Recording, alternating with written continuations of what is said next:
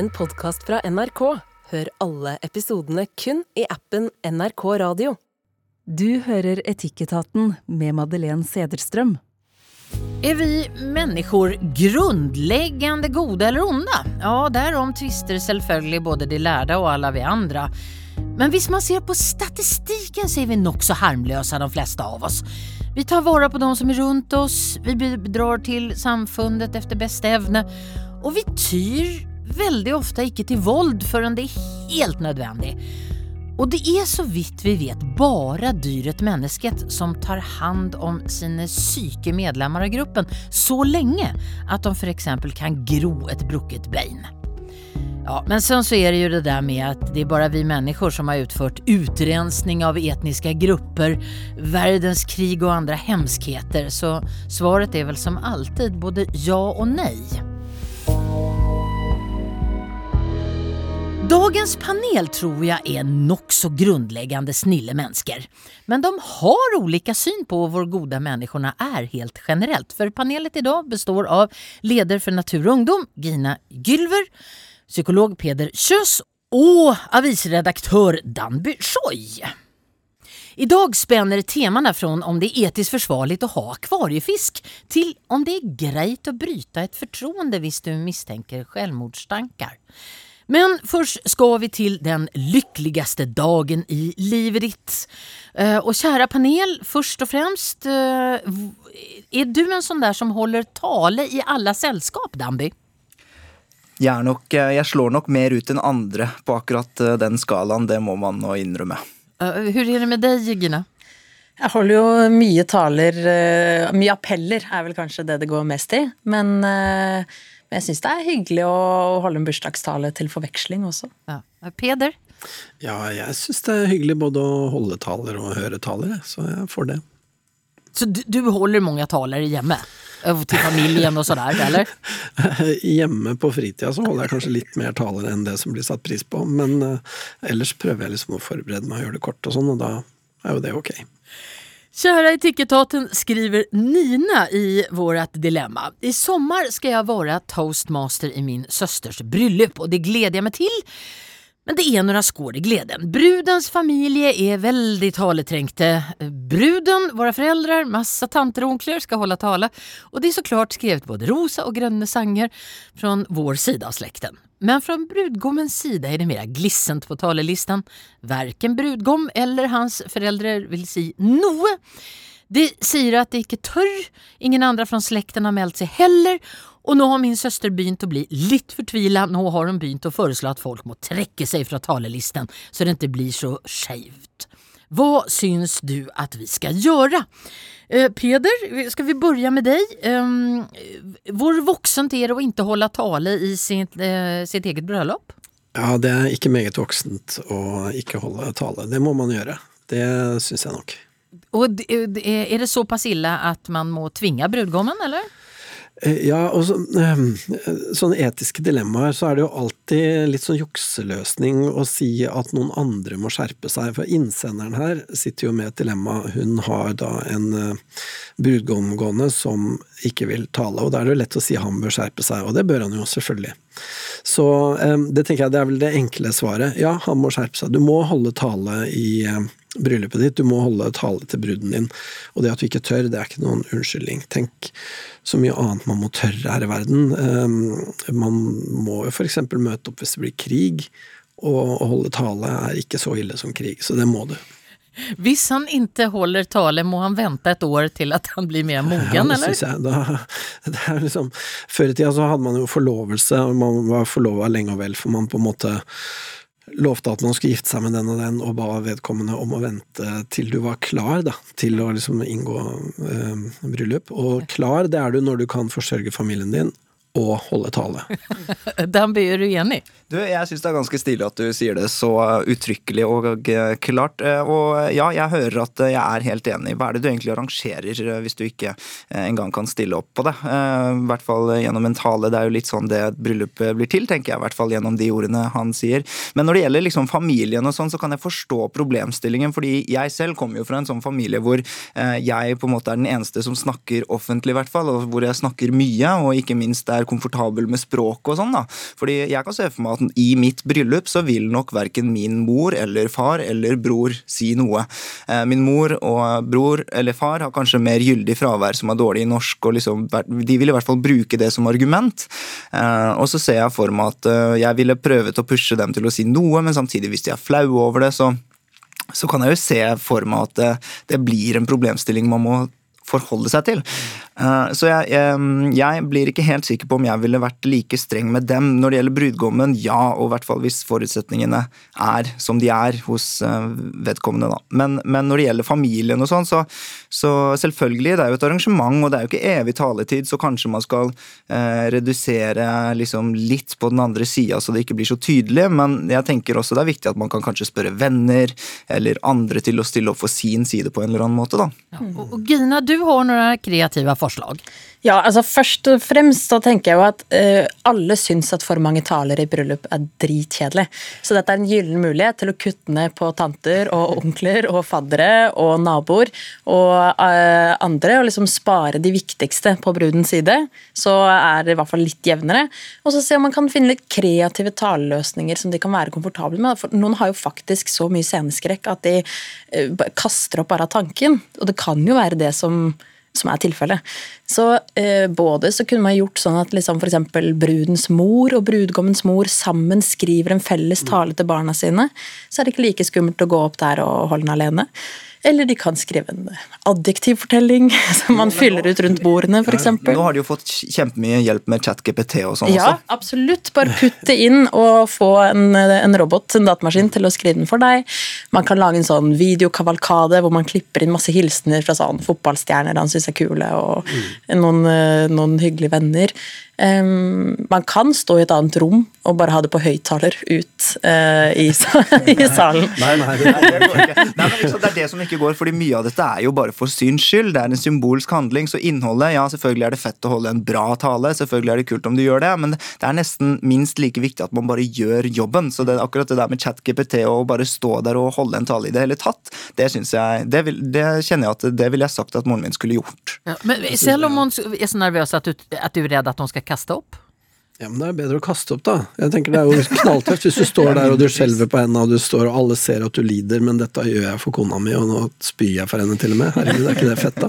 Ja, det er dedikasjon, i hvert fall. Ja, jeg syns ja, Du alle skulle husket det, i alle fall. Den saken er helt Ja, ja, ja. Det er blitt huska for alltid. Um, um, men jeg, jeg syns man kan løse det på veldig mange måter, og tipset mitt til han vil jo være hold det kort og ha manus, ikke sant, og øve på det, les det mange ganger og sånn.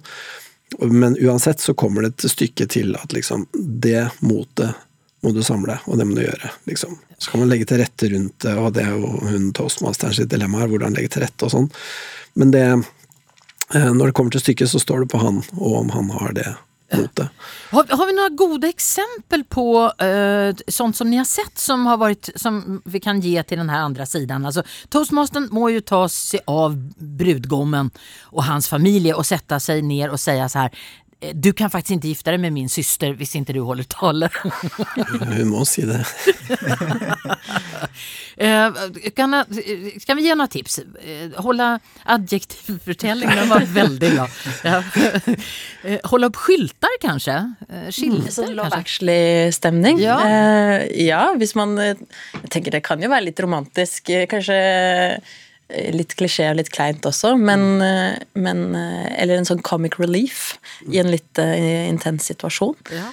Ja. Eller finne et bra dikt, for eksempel. Ja, så du kan finner... du bare resitere diktet, og så ja. si 'dette minner meg om deg', og så er du ferdig. Ja, og så hvis du klinker til til slutt, da, for um, um, kronprinsen vår satte jo lista kjempehøyt for uh, taler med den talen han holdt til Mette-Marit det var så fint. Det var så rørende, og en av de få gangene jeg virkelig har tenkt at jaggu er jeg glad vi har en kongefamilie. ja, så bruk en av dine 40 taleskrivere du også, er vel tipset? ja, eller du kan jo bare lese hans tale, og så kan du bare bytte ut navnet. Nei da, det kan du ikke. Men, men hvis, du liksom, hvis du har en tekst som er bitte lite grann fin, ikke så lang, og så klinker du til på slutten med Kjære X, jeg elsker deg. Kjære X. ja, kanskje ikke X. Kanskje Y. kanskje y ja. ja. Så hvis, hvis, du klarer å få klemt ut av deg orda 'jeg elsker deg', så har du redda hele greia. Og da kan du kaste opp så mye du bare vil etterpå. Og så er det noen grunnleggende liksom, nervøsitetsøvelser du kan gjøre før du går på. Det handler jo om å puste dypt med magen, eh, høre på en eh, sang du liker skikkelig godt eh, på høyt volum før du går på, eh, gå og rope litt eh, på do hvis du føler for det, danse litt, hoppe litt, eh, drikke Drikke vann, men ikke for mye så du føler at du må tisse rett før du går opp. Altså, det finnes jo mange gode eh, eh, triks du kan lese på internett som eh, hjelper deg å holde nervene i sjakk. Hur, hvor lang må talen være for å være en tale? 30 sekunder. Ja, nei, det, det, ja, dere gir konkrete svar. Jeg gir mer sånn politikersvar. Jeg tror ikke det finnes noe fasit på akkurat det, men jeg tror altså at man kan Men altså at det er mye viktigere at du går opp dit, og så kan den forlenges med hva som helst. Ikke at det blir noe lettere og at man spyr noe mindre av, av å synge, men det kan jo fylles med ulike kunstneriske innslag, om det så var et dikt eller en adjektiv historie eller hva som helst. Og så tenker jeg det viktigste er at man går opp dit, og så kan du alltid huske at eh, du kan før du holder den talen, så kan du spørre venner om det ser greit ut. Du kan be om tips, osv. osv. Det kan du gjøre. Så. Og det kan jo faktisk være litt lurt. Du kan jo spørre mm, dine kompiser Kan ikke dere hjelpe meg å artikulere hva det er jeg liker så godt med denne jenta? Og så få dem til å si hver sin setning, og så bare leser du opp de setningene, og så sier du 'jeg elsker deg'. Ferdig. Eh, hva, hva, tror du, eh, Hvorfor syns vi at det er viktig at det er en balanse her? Jeg syns ikke det er viktig at det er balanse, da. Nei. Jeg syns det er viktig at det er en balanse, fordi at det kommer til å være et sånt stort spørsmålstegn hvis det bare var den ene siden, ene familiens side som holdt tale. Det er bare noe ved arrangementet som ikke holder helt mål. Da. Um, Alle kommer til å lure på hva som egentlig skjedde. Det er jo to familier som eh, møtes, og at de har forskjellig kultur, er jo greit, syns jeg. Ja. Så lenge man eventuelt også snakker mye om brudgommen i brudens tale, snakker om dem som par, eh, så er det jo mindre viktig eh, at det kommer mange fra slektas side. Eh, Nei, jeg, jeg mener altså at arrangementet blir veldig halvveis hvis du, hvis du bare får den ene siden til å holde den, de talene. Altså. Så det er minst like viktig for arrangementets del og for publikums eh, egentlig informasjonsbehov at begge to dukker opp på den der scenen. Altså. Ja. Så enkelt är det. Jeg Jag ska eh, avsluta med eh, en, tal, en tale som är en tale till skräck och advarsel. Visst du ska hålla en tale, så inte gör så här som spelauget eh, Gauknes eh, har kom med som finalebidrag i revy-NM. Här är det fars tale till brudparet. Kjære brudepar. Som eh, brudens far så er jeg ikke noen taler. Men jeg skal prøve å si noen ord likevel. Så jeg får bare ta den på sparket, sånn som jeg gjorde med mor di i sin tid. Eh, barndommen, ja. Barndommen kan en si mye om, og, og, og det skal jeg ikke gjøre. For jeg var jo nesten ikke hjemme. Men jeg var hjemme den dagen det ble laga. På kjøkkenbenken hjemme. Skål for kjøkkenbenken, eh, brura. Hvis du holder deg undan det der, så tror jeg nesten at du klarer hva som helst. det gjør ingenting. Han sier at eh, dette ikke var planlagt, men for meg så hørtes det litt eh, planlagt ut. Det var i hvert fall veldig morsomt og egentlig en eh, litt vellykket tale, hørtes det ut som. Det var masse applaus i publikum. Ja, det var det. men du må aldri si 'jeg er ingen taler' eller 'jeg skal ikke tale'. Det må du ikke si. Nei. Du må stå der med en sånn selvfølgelighet. Det er noe mer stil over det.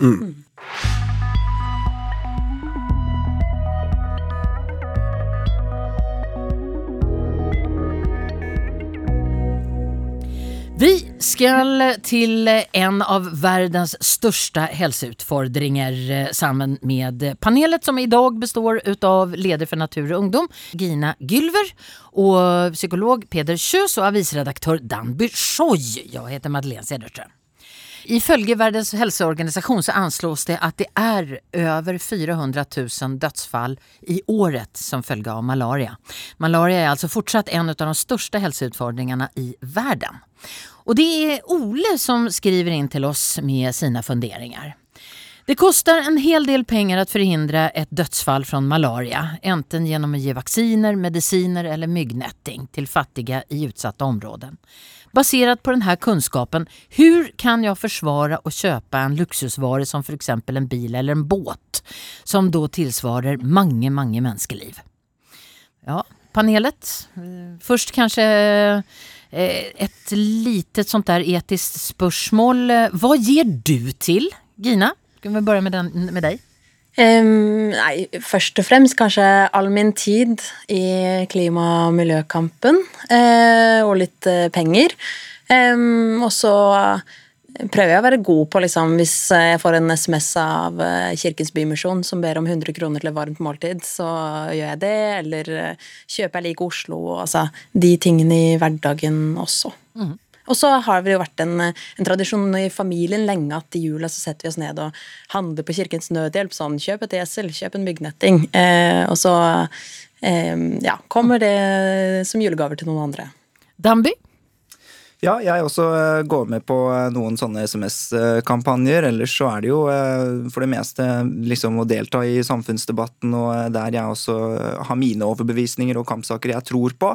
Ikke minst så har jeg en sånn årlig tradisjon for å kjøpe 50 bøker som nærmer seg sensurert, eller i fjor var det Salman Rushdie som ble angrepet, og da kjøpte jeg 50 X av hans bok for å gi den videre og dele den til andre. I år er det LGBT-bøker i USA som blir eh, sensurert, og eh, som eh, derfor um, blir årets bok, da, på en måte. Og det er litt sånn em, Bøker som forsøkes bannlyst, er også, eller kanskje ekstra verdt å lese.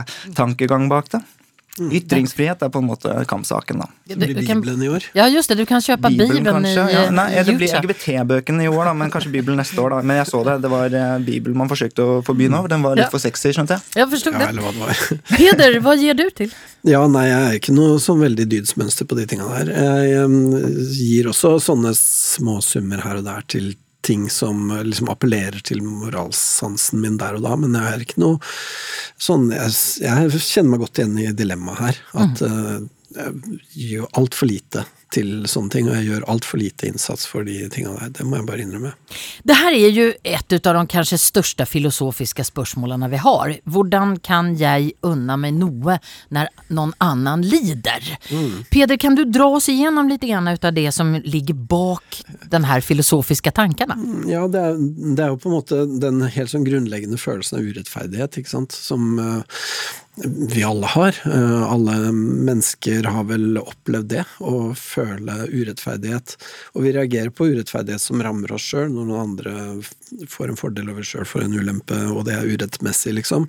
Men vi reagerer jo også på det når det rammer andre. Eh, For vi er jo utrolig utprega sosiale, sånn at urettferdighet generelt er um, ja, det, det griper oss veldig, liksom. Og så ser vi eh, det urimelige da, i at vi helt ufortjent har fordeler som andre ikke har. Og så eh, lurer vi på hvordan vi skal løse det, fordi at det vil være så ubehagelig å løse det.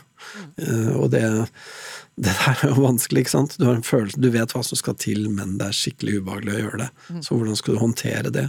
Så kan man lage seg diverse teorier som unnskylder det, eller forklarer det, eller at sånn er det bare, eller et eller annet sånt. Men det er jo utilfredsstillende. Det er vi mennesker utrolig gode på etter hvert. Lage sånne, ja. Men jeg tenker jo sånn at eh, det riktige da, vil, gjøre, vil være å gjøre sånn som Jesus sier, ikke sant? selv alt du er og gi det til de fattige. Men det er jo ingen som orker det. det, er sånn at det, er på en måte en, det er på en måte riktig, men urealistisk. ikke sant? Det blir et krav som er for høyt. Du kan ikke si at alle mennesker som ikke gjør det, er umoralske, liksom.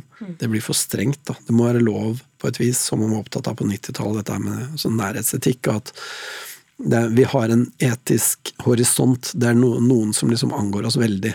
Ungene våre, folk, naboer, folk vi kjenner og sånn. Og så litt lenger ut på den moralske horisonten så blir det mindre klart for oss, og det kan vel egentlig heller ikke med rimelighet kreves at vi skal engasjere oss like mye. Vi engasjerer oss faktisk ikke like mye i um, barn som dør i fattige land, som uh, flisen i fingeren til vår egen unge. Og det betyr ikke at du er umoralsk, liksom. Nei, fordi har man egentlig den samme forpliktelsen? Altså, jeg mener jo også at for eksempel eh, man har um, en, ens lojalitet er gjerne også til det nære. da, med Barnet til en har jo ikke sant, du forpliktet deg til å forsørge før noen andre også, for øvrig. Hvis du har 500 kroner igjen på konto og ungen din blir mobba for å ikke ha fotballsko, så, så syns ikke jeg du skal donere de bort til Afrika. Eh, altså, det, er det, er, det er litt sånn, og det tror jeg er sånn universelt forstått, eh, eller mer eller mindre, men, men det går an. å- Men jeg skjønner at han sier jo basert på denne kunnskapen, hvordan kan jeg fortsette å kjøpe luksusvarer? Og det er jo det alle filosofer har konkludert med, at man skulle bare ikke ikke visst, egentlig. Det er, det er så deilig å være dum. Men, eh, men, nå som du først vet, så stiller du jo et godt spørsmål, da, men det er på en måte veldig forenklet også, fordi det er jo ikke dermed sagt Altså luks, luksusvarer um, Det er jo ikke hva, nødvendigvis Hva er luksusvarer, til eksempel? Ja, ikke sant. Og så kan det jo hende at eh, det er bedre å kjøpe seg et uh, luksusplagg enn 50 uh, nye billige plagg, f.eks. Eller, at, uh, eller at man kjøper seg et designmøbel som man bryr seg om og sånn. Så det er ikke Jeg syns regnestykket her er gjort litt enkelt, da. Men for, hvis man for enkelhets skyld skal se på det sånn, så, så syns jeg jo det høres riktig ut at man skal donere til uh, malariasaken, jeg ja, da. Jeg vet ikke med Gylver. Ja, eh, jeg mener jo at vi lever jo på en måte i Norge der hvor vi, vi har et helt latterlig høyt forbruk. Vi lever på en måte som at hvis alle skulle få brukt like mye som nordmenn, så hadde vi trengt 3,6 jordkloder. Eh, at noen når noen skal være så rike som det vi er, så må noen også være skikkelig skikkelig fattige med det systemene vi lever i. Um, og det er, eh, det er også systemet vi er med på å opprettholde og har et ansvar for. Um, jeg mener at det er umoralsk å kjøpe seg en yacht. Uh, åpenbart. Det er jo ikke bare fordi du kunne brukt de pengene bedre, uh, fordi det er et luksusforbruk, men også fordi den bidrar til en stadig akselererende klima- og miljøkrise som uh, er med på ytterligere forverre livene til de som allerede har minst og rammes hardest. Gina, jeg må bare spørre deg, for du Lever du som du lærer? Um, jeg prøver, jeg gjør det, men uh, som Peder var inne på uh, Man skulle gitt uh, bort alt man har og, til de fattige, på en måte. At det, er, det kunne vært optimale. Og så er det viktig for meg også at du trenger ikke å være perfekt for å kunne engasjere deg. At det har blitt en egentlig den letteste utveien for folk er å si jeg kan ikke gjøre alt, jeg kan ikke fikse alt, jeg klarer ikke, jeg er ikke så perfekt, så da gidder jeg ikke å gjøre noe som helst. Det er også en sånn ting i forbindelse med akkurat det som jeg syns er ganske ufyselig, det er at hvis noen gjør noe, da, mm. så liksom ja, men du er ikke konsekvent, for du gjør ikke ja. nok, du gjør ikke ditt, du gjør ikke datt, så hvorfor er du bedre enn meg, liksom. Ja, det er den første man, så, man fort får høre, og jeg ja. tenker det er viktig å vise folk at det er helt greit mm. å bli med på en demo uten å være perfekt, og at du kjøper en mm. jakke på Kubus ja. en gang iblant. Det så er, det, så er det feil at Greta Thunberg har mobiltelefon, liksom. Det blir sånne som bare De argumentene tjener kun én en eneste ting, og det er å unnskylde deg sjøl at du ikke gjør noen ting. Men jeg ser jo litt for meg at uh, man jobber, ikke sant, og så får man en godtgjørelse for det som er de pengene, og så skal man sant, Man ønsker jo helst å slippe jobb, de fleste, og så føler man på en måte at man gjør liksom samfunnstjenesten sin, og så skal man liksom spandere på seg selv noen goder da, med de pengene.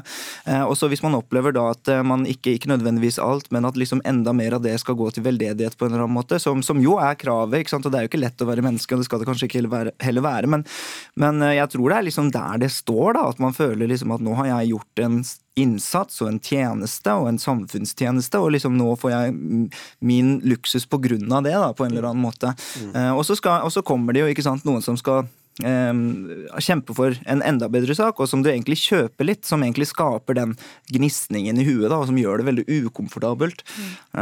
Men, eh, men, men, kan, men, hvis vi nå ser på, for du pratet om det Gina, det her med et system som vi er inne i, der noen er veldig rike, og det nødvendigvis betyder at noen er veldig fattige. For det, det er vel ikke alle veldig enige i. Eh, altså um, eller, Nei, jeg kan godt være litt ja, uenig ja, i det. Precis? Ja, kan tro det. jo, jo, altså, jeg, altså, Hvis man snakker om kapitalismen, eksempel, så har jo den, ja, den har bidratt til å sette fart på klimakrisen, men den har også sant, bidratt til at eh, vi nærmest har bekjempet eh, barnedødelighet, eh, analfabetisme. Vi lever mye lenger enn før, vi lever mye bedre enn før, flere har jobb enn før. Og man kjøper fattige folk først og fremst ut av fattigdom osv. Så, så, så det er litt sånn ja. De, de, jeg tror det er en lett unnskyldning eh, for å kjøpe seg den yachten og tenke at nå løfter jeg barn ut av fattigdom for å kjøpe, kjøpe denne yachten. Og det er jo også sånn at mange av de systemene som har uh, fått pilene til å bare peke oppover i mange mange tiår, uh, de kommer jo nå til et vippepunkt uh, hvor ting snur. Hvor ting ikke lenger peker oppover, hvor vi har eksistensielle kriser som truer livsgrunnlaget vårt, som gjør at, at, ting begynner å gå feil vei, at vi allerede nå ser naturkatastrofe på naturkatastrofe som kun kommer til å bli verre, og som eh, ja, tar liv og har gjort det allerede i mange, mange år. Atomkraft. ja, men der tenker jeg at sånne organisasjoner som Natur og Ungdom og andre er jo nettopp med på å bringe den der moralske horisonten nærmere, fordi at man bryr seg fordi det angår en, ikke sant. Og nettopp den typen eh, opplysningsarbeid og sånn er jo med på å bringe dette her inn i, uh, innafor horisonten av ting du bare må bry deg om fordi det appellerer til deg. ikke sant? Mm.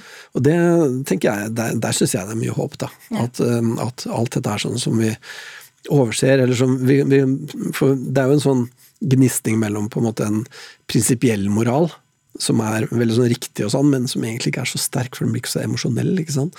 Og så er det den relasjonelle moralen, at vi tar oss av våre og den er jo mer følelsesdrevet. Mm. Og jeg har mye mer tro på en følelsesdrevet moral enn en prinsipiell. For vi er ikke så gode til å liksom føle prinsipielle ting. Nei, som dessverre. Jeg skulle ønske det var sånn. Jeg skulle jo ønske at, at, folk eh, så at ok, nå, nå, er det millioner av barn på mm. Afrikas Horn som ikke har tilgang til rent vann og sikre sanitærforhold. Mm. Eh, åpenbart må jeg gjøre endringer i mitt liv. Eh, og så er det skikkelig kjipt at det ikke er sånn. Ja, for at det ikke må det bringes inn på den emosjonelle radaren, ikke sant. Ja, men det, da kan man ja. snakke om at bønder i Norge mister avlingene sine år etter år mm. fordi vi ser ekstrem tørke, mm. og det påvirker dem også her hjemme, eller at man har Eh, også typ mer skred, mer flom, eh, naturkatastrofer som også vil ta liv her hjemme. Eh, at det kanskje er ting som ja, når folk, og også at Norge ikke er en øy avskåret fra resten av verden. At når man får enorme flyktningbølger fordi folk drives fra hjemmene sine, så vil det påvirke oss i Norge. Og når verdensøkonomien blir mer ustabil, når man får mer krig og konflikt, så vil det også påvirke oss. Vi, eh, konkluder, vi ska pröva att konkludera lite grann till Ole här. Mm. Eh, det är prisvärt att du funderar på det i hvert fall. Skal vi si det? ja, det er jo en start. Eh, og det er et ansvar alle har, og i hvert fall ikke stille seg likegyldige. I hvert fall la det få en form for innvirkning inn i ditt eget liv og inn i valgene du tar. Mm. Danby, skal han ja. unna seg denne bilen? Båten? Eller båten. Ja, nei, eh, det er liksom noen aspekter her jeg mener vi har glemt uh, å ta med også. Men uh, for all del, jeg, jeg kan gå med på konklusjonen om at det, det, er bra han stiller seg disse spørsmålene. Det skal ikke bare være moralsk enkelt å kjøpe seg en yacht. Det syns ikke jeg heller. Altså, hvem vet at hvis du kjøper deg en yacht, da, så kan det jo hende at du betaler til Altså, nå høres dette veldig relativistisk ut, og kanskje litt sånn flaksbetinget, men hvem vet om han som eh, får solgt den yachten, eh, donerer penger. Ikke sant? Det er jo liksom, Penger skal jo jeg mener jo penger skal jo rotere.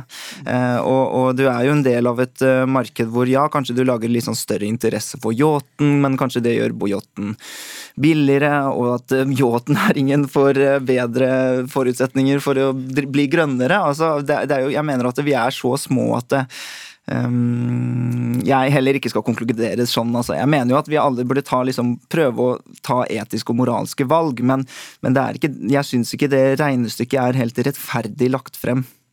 Jeg tenker også Det er vanskelig med et én-til-én-regnestykke. Det er heller ikke sånn bistand fungerer. Ja.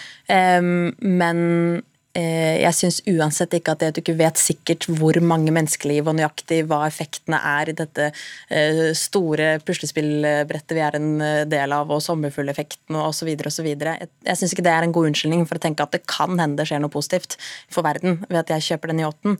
Jeg tenker du har et ansvar. Jeg syns ikke det er moralsk etisk å kjøpe noe yacht i 2023. Jeg syns man bør bruke pengene sine bedre, særlig det som kun er eh, luksusforbruk, og som ofte bidrar til en sånn livsstilsinflasjon. Der du ikke du får mer penger å bruke, men du merker ikke helt at du egentlig har så mye mer penger. De bare går inn i det der evige forbrukssluket. Eh, mamma, for eksempel, gir tiende.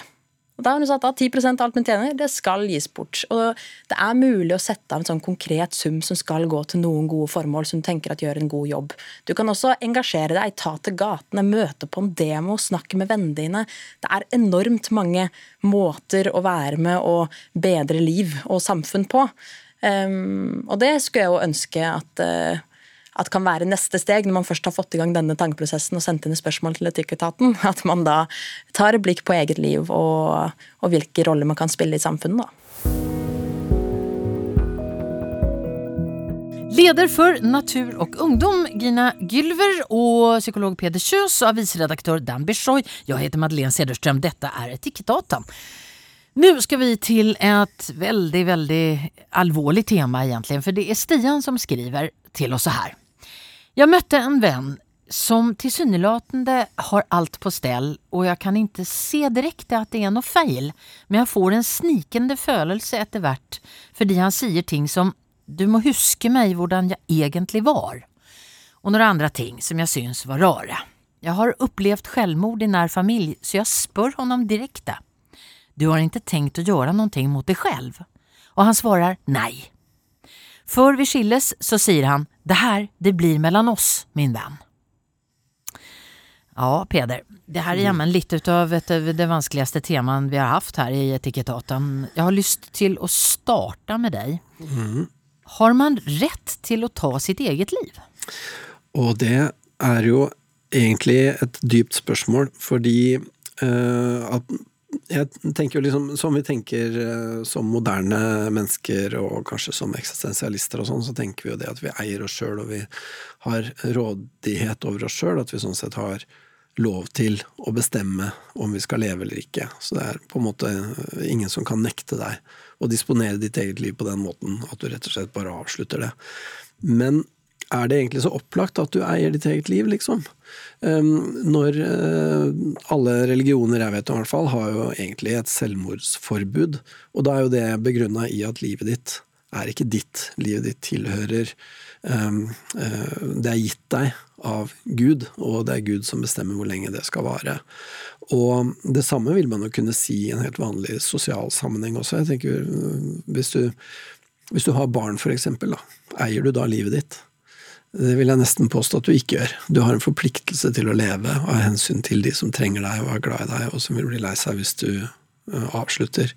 Så jeg tenker vel at den derre råderetten over ens eget liv ikke er så individuell og så eksklusiv og så fullstendig da, som det vi har lett for å tenke. Mm. Men på den annen side da, så tenker jeg vel at de fleste av oss kan vel også tenke oss situasjoner som er så vanskelige det er forståelig.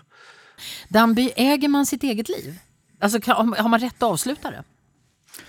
Um, jeg vil uh, konkludere med ja, jeg på det um, binære spørsmålet. Uh, noen vil jo bli uh, lei seg, og det er sikkert av hensyn til det mange grunner, og utover det også mange grunner til at man ikke skal gjøre det, så absolutt. Men, men begå selvmord, altså. Men jeg mener jo altså at man, man det er veldig viktig for at veldig mange andre ting skal fungere. Da, at, at, du er fullstendig autonom. Og ultimate, den ultimate prøven er vel kanskje det, rundt det spørsmålet der. Mm. Gina, har man rett til å ta sitt eget liv? Uh, det er et vanskelig spørsmål. Jeg tenker Det siste en person som står i den situasjonen at man vurderer det trenger, er jo kanskje en sånn moralisering rundt har du lov eller ikke, rett og galt osv. Um, men uh, jeg tror jo også det er umulig å gi et klart svar på det. At det er ekstremt stor forskjell på f.eks. en person som lever med så store kroniske smerter, vet at det ikke finnes noen kur, vet at det kommer til å ta slutt snart uansett. Eh, eller en person som har så forferdelig kjærlighetssorg at det føles som at du må dø akkurat nå, men erfaringsmessig er det noe som kommer til å bli bedre. Det er mange, det er et stort spenn og et stort spørsmål. Men som regel vil jo et selvmord etterlate seg ekstremt mye sorg og skyldfølelse og ubesvarte spørsmål. Og jeg tenker uh, spørsmålet eller samtalen bør jo i aller størst grad og egentlig alltid dreier seg om hvordan man forebygger og unngår det. Mm. Vi skal tilbake til Stian, for han står i en situasjon der han eh, Hvis han agerer, så bryter han et fortroende.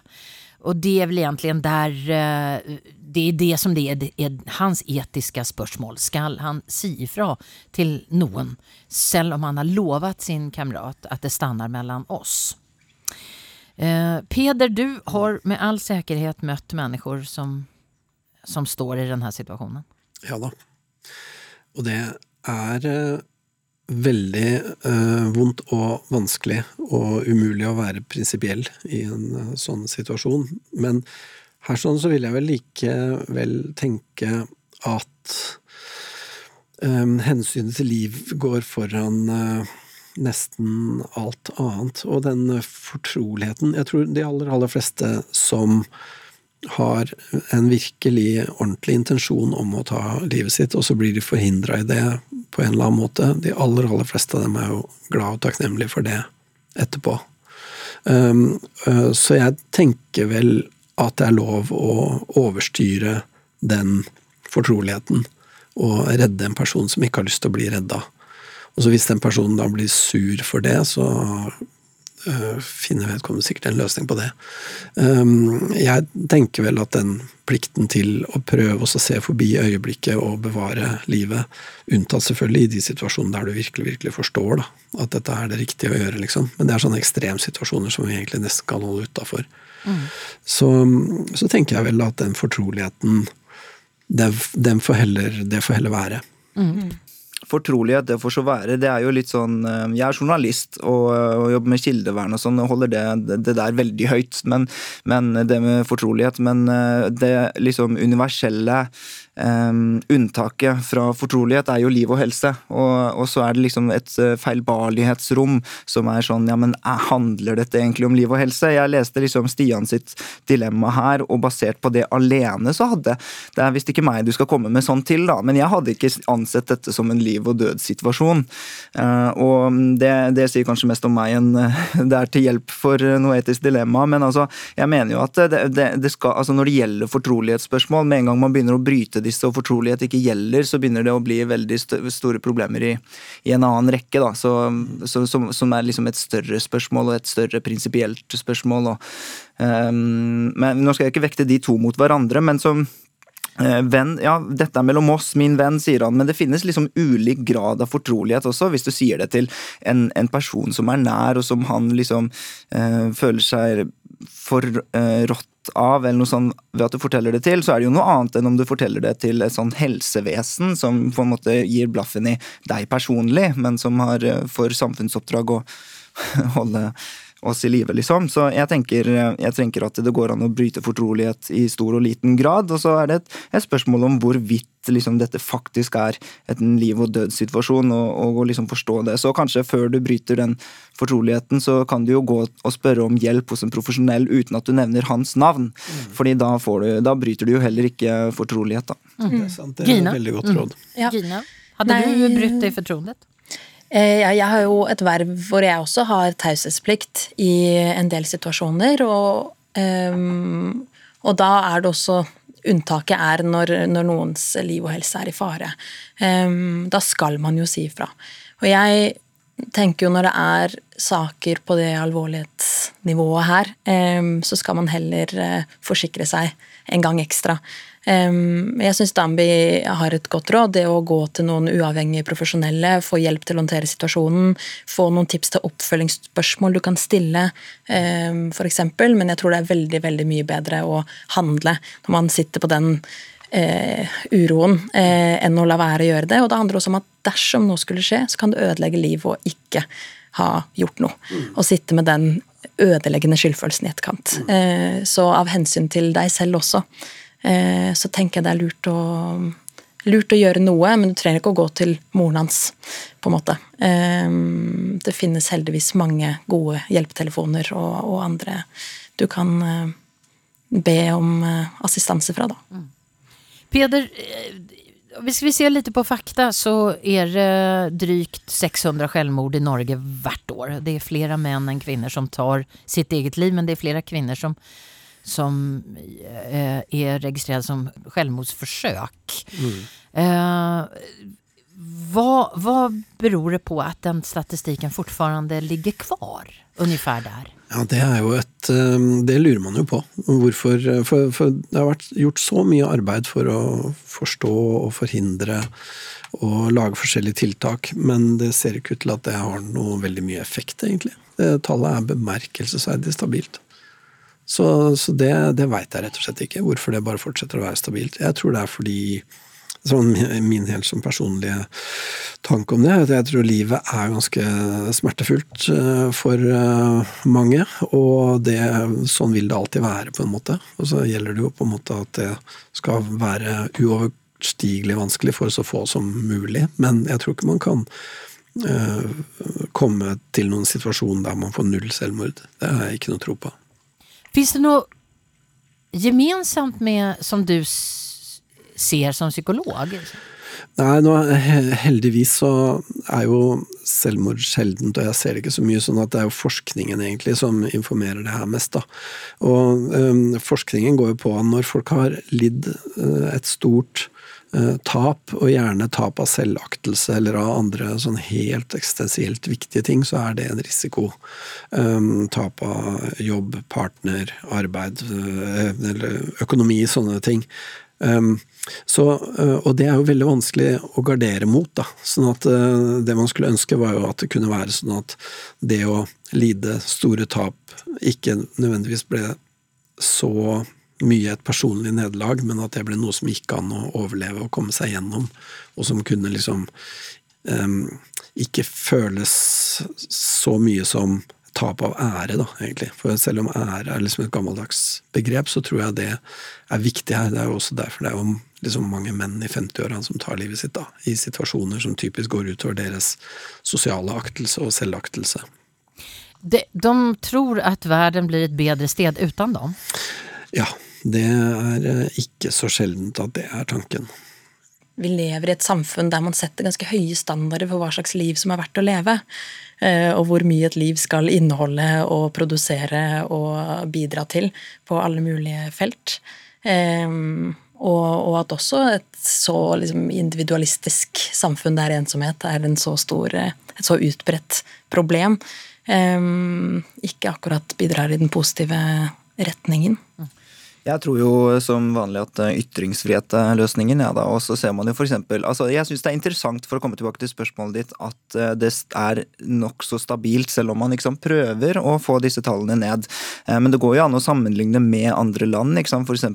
Sør-Korea, hvor mine foreldre er fra.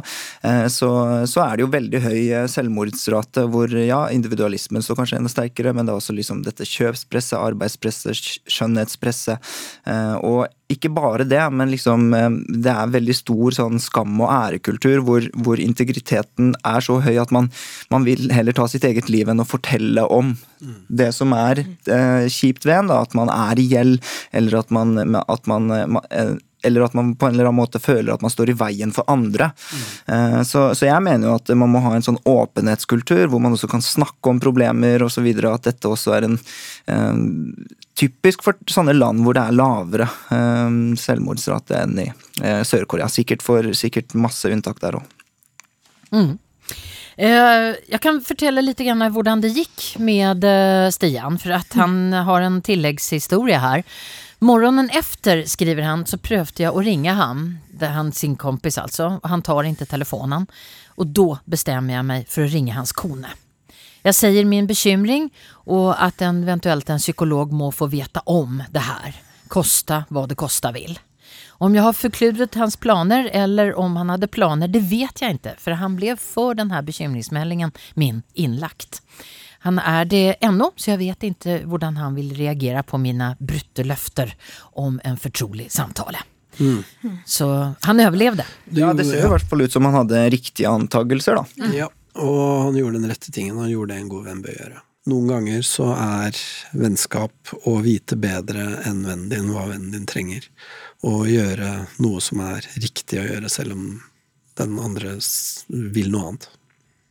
Hvis du trenger noen å snakke med efter du ha hørt det her dilemmaet så kan du altså ringe Mental Helse, telefonnummer 116 123. Og hvis du ikke vil ringe så kan du sända en chat. Du kan være anonym og de har taushetsplikt.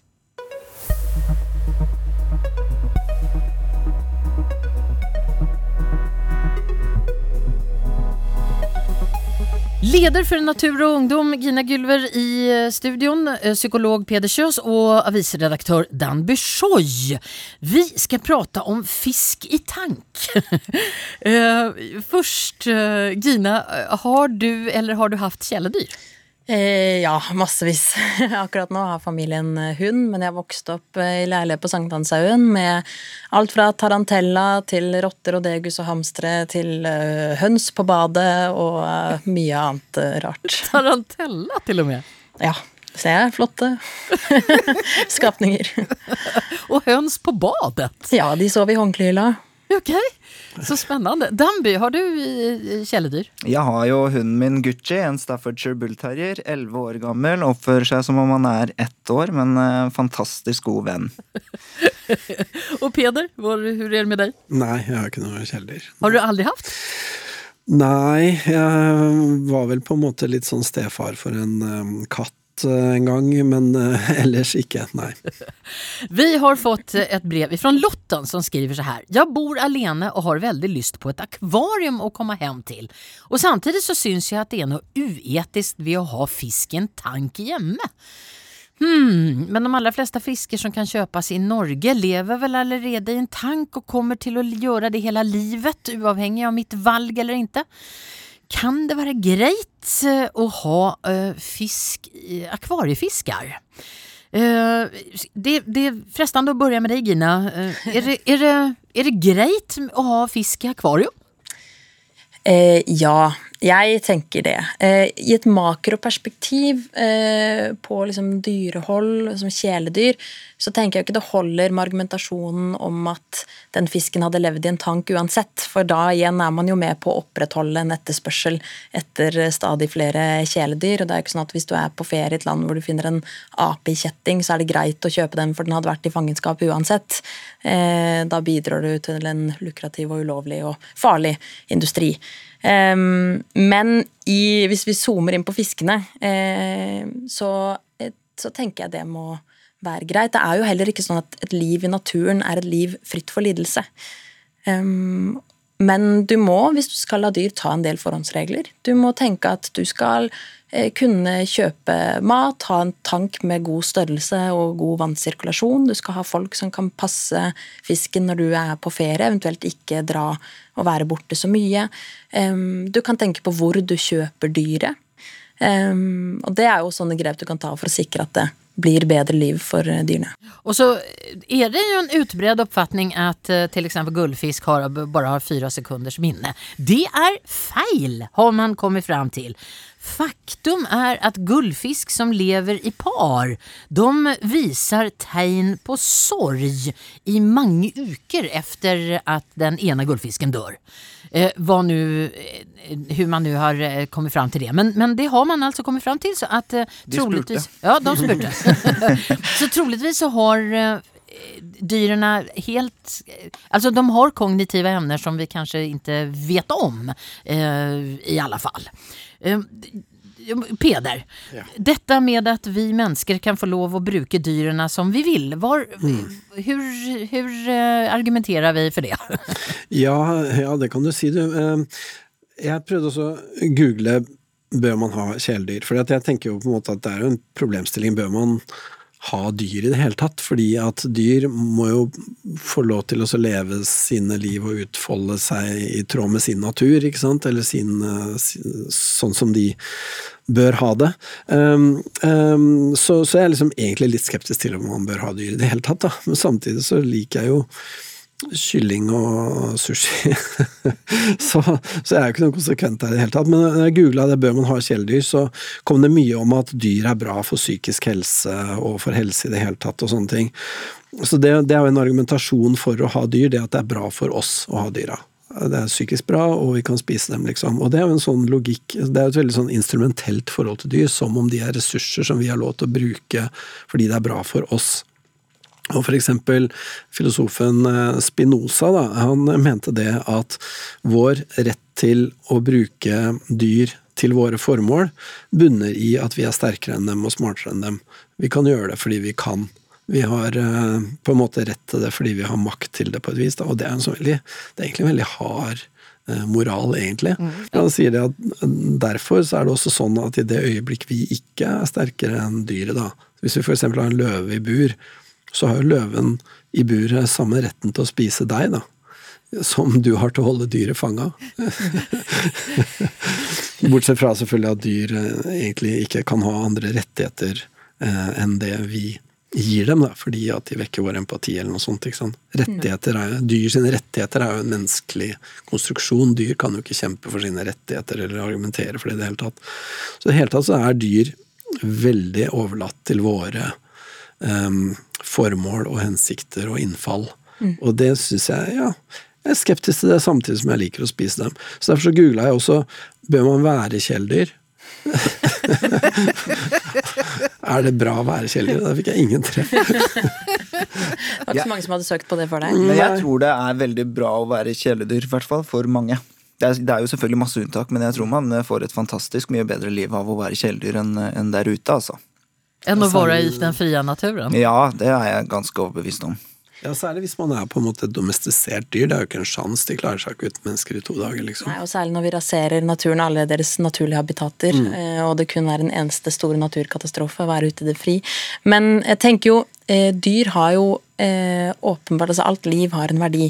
Em, og um, så er det ganske lett å, å si at liksom husdyr er greit, for de spiser vi jo. Og så er jo nettopp kjæledyr det også for å dekke våre behov. Em, jeg skulle jo ønske åpenbart at vi levde i en verden hvor man behandlet uh, husdyrene med respekt og kjæledyrene med respekt og alt liv som at det er levende, levende vesener. Em, og det er utrolig synd at det ofte kun handler om hva som vekker empati i oss. Og det, det er jo store utfordringer som, eh, som vi som samfunn også, og, og en utrolig mørk del av det norske samfunnet, at vi tillater eh, så grove brudd på, på dyrevelferden og dyrs egenverdi. Men Gina, har, man, har, vi, har mennesker rett at ha dyr som kjæledyr og bruke dem til vår, til vår forlystelse hvis vi behandler dem pent? Hvis vi behandler dem pent, så er det jo ofte ikke bare at vi bruker dyret til vår egen nytelse. Jeg tenker alle som har hatt en hund, for eksempel, eller en katt, eh, merker jo at det er en relasjon som går to veier. Men da er jo det en relasjon man må bygge og bevare, og i så fall så tenker jeg at det er greit.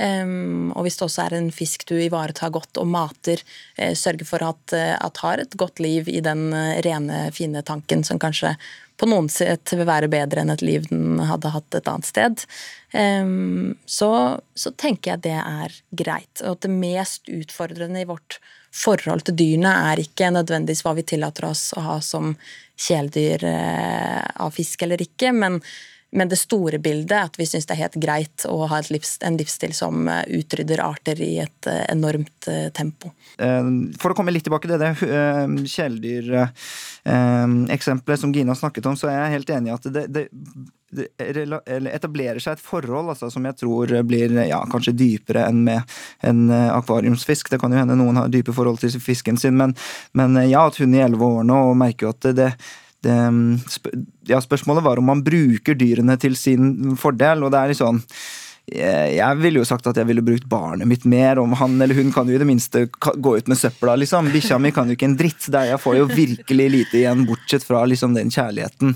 Eh, og, og det ikke sant, at han Og så har jeg Og så er liksom det der med at vi er så digitale og sånn, at han bare drar meg ned på jorden, ikke sant, og at vi går turer, og at det forholdet der, det er jo det jeg på en måte får litt tilbake, da, som jeg, som jeg mener er veldig sånn eh, pent og vakkert ved dyr-menneske-forholdet. Som jeg syns egentlig Som jeg unner flere.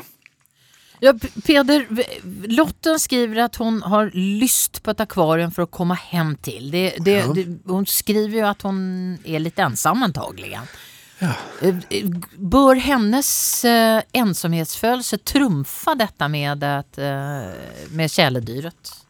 Ja, ut fra hva Spinoza sier, så har hun jo rett til det, for hun har jo makt til det. Hun kan jo bare kjøpe seg en fisk, så har ikke fisken noe særlig hun skulle ha sagt. Men en annen sak er at dette er jo ikke bare en sak for etikketaten, men også for estetikketaten. Er det egentlig riktig å ha akvarium? Det, er jo, det ser jo ikke bra ut, og det lukter, og det bråker. Jeg er helt enig. Jeg mener at det er helt ugreit sånn sett. Ja, Gina, er du enig? Nei, jeg syns jo akvarier kan jo se fantastisk flott ut. Eh, hvis du virkelig innreder det pent der inne og legger hjertet ditt i å gå på en eller annen, et eller annet kurs og bygge sånn broer og kjøpe sånn sjørøverskip som kan svømme inn og ut av og gjøre det grønt og fint. Danby, det akvarium i ditt danbyske hem. Kommer det å eh, finnes? Ja, eh, nei. Og jeg mener som Peder Kjøs her at det er noen estetiske grenser som kanskje tråkkes over før de etiske som hindrer meg i akkurat det. Men, men altså, det blir jo bare en sånn der plastic fantastic world inni der, og så prøver man å etterligne.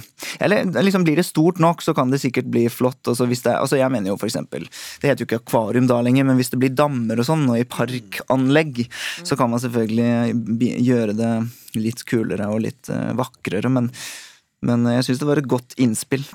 Lotten, jeg, jeg, tror vi kan konkludere med at du får gjerne lov å skaffe deg et akvarium hvis du lærer deg å ha det og du tycker det er pent. Ska vi, skal, vi, skal vi konkludere med det? Ja. Jeg tror det må bli konklusjonen.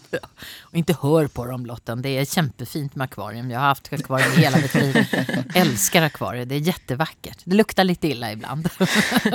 men, men bare rensa det godt, så går det bra.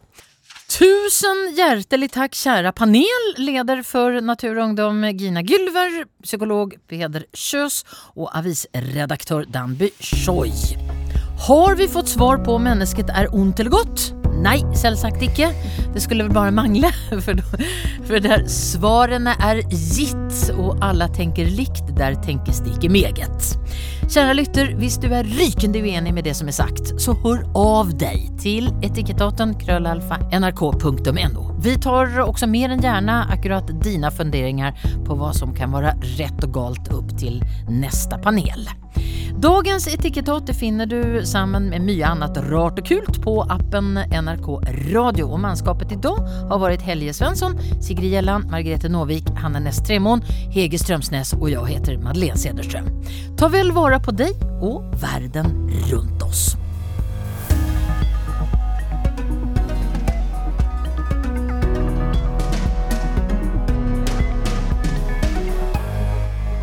Du har hørt en podkast fra NRK. Hør alle episodene kun i appen NRK Radio.